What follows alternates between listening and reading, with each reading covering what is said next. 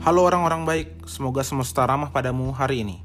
Kali ini kita akan membicarakan bagaimana Mahkamah Konstitusi Afrika Selatan, yang untuk seterusnya kita sebut dengan MK Afsel, mendorong terjadinya dekriminalisasi pemakaian dan penguasaan ganja.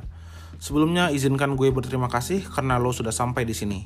Dengan subscribe podcast dan YouTube ini, lo udah ngebantu membangun dialog yang sehat tentang narkotika, psikotropika, dan zat adiktif lainnya di Indonesia. Mohon bantuannya ya.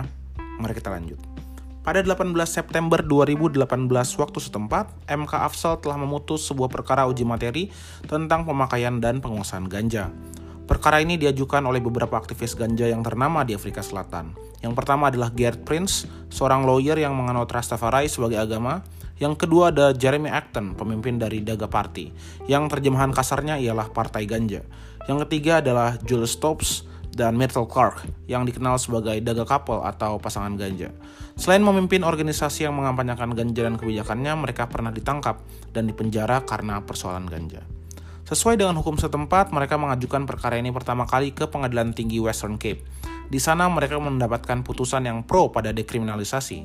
Namun, tim hukum pemerintah tidak menerima putusan tersebut dan akhirnya membawa kasus ini ke MK Afsel. Puji Tuhan, putusan MK ini sungguh luar biasa. Putusan ini menguatkan bahwa orang dewasa boleh menanam dan mengonsumsi ganja di rumah mereka masing-masing. Putusan ini juga mengatakan bahwa hak atas privasi terlanggar apabila hukum melarang penanaman, penguasaan, dan pemakaian ganja.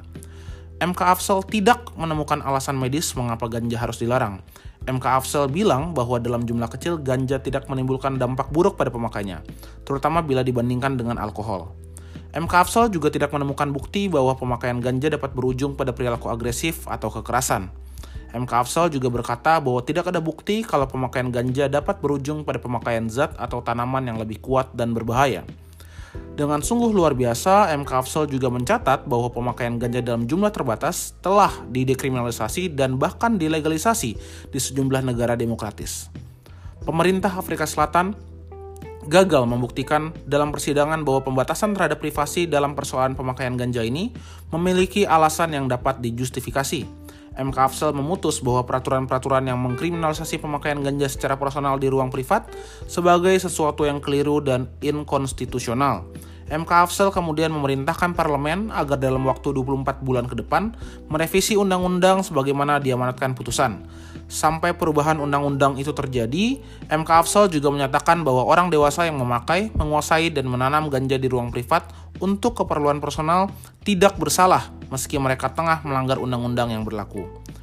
Putusan ini tentu disambut gembira oleh publik. Aktivis ganja Afsel berteriak dan menyambut putusan ini dengan sukacita dan nyanyi-nyanyian. Meski begitu, ada beberapa hal yang perlu dicatat, antara lain penggunaan di ruang publik masih tetap dipidana. Begitu juga dengan penjualan dan pembelian. Lalu penting sekali untuk mendefinisikan tentang apa itu personal dan apa itu ruang privat. Kemungkinan besar untuk kata personal akan didefinisikan dengan metode gramatur di Parlemen Afrika Selatan. Sebagai contoh saja, jika se seorang menguasai ganja di bawah 5 gram, maka hukum akan menganggapnya akan dipakai untuk diri sendiri saja. Sedangkan untuk kata privat, hal ini sebetulnya cukup luas. Jika seseorang menguasai selinting ganja di kantung jeansnya, maka hal itu tetap dapat dianggap sebagai ruang privat, selama tidak dikeluarkan dan dikonsumsi di depan publik. Yang patut disayangkan adalah tidak didekriminal, didekriminalisasinya pembelian. Marinel dari Quartz menuliskan bahwa implikasi dari putusan ialah ketika seseorang ingin menjalankan hak konstitusionalnya untuk memakai ganja di ruang privat, ia tidak terhindarkan untuk melakukan hal ilegal karena setiap pembelian, baik ganja untuk dikonsumsi maupun bibit untuk ditanam, tetaplah sebuah tindak pidana.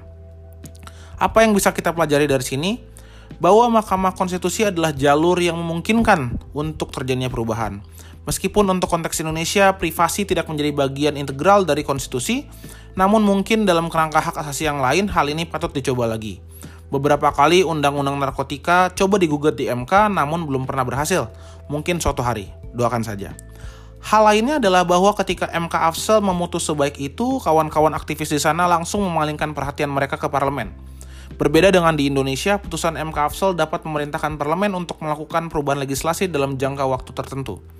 Muhammad Tanzil Azizi, sahabat saya dari Lembaga Kajian dan Advokasi untuk Independensi Peradilan atau biasa disebut LAP, berkali-kali mengingatkan kita soal ini.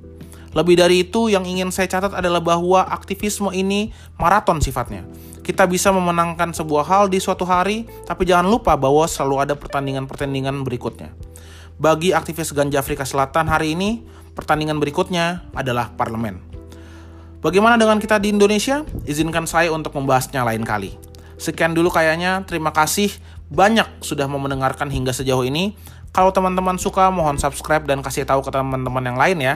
Semoga suatu hari nanti Indonesia memiliki kebijakan nafza yang berakal sehat, humanis, dan berbasis bukti. Akhir kata, penjara bukan solusi.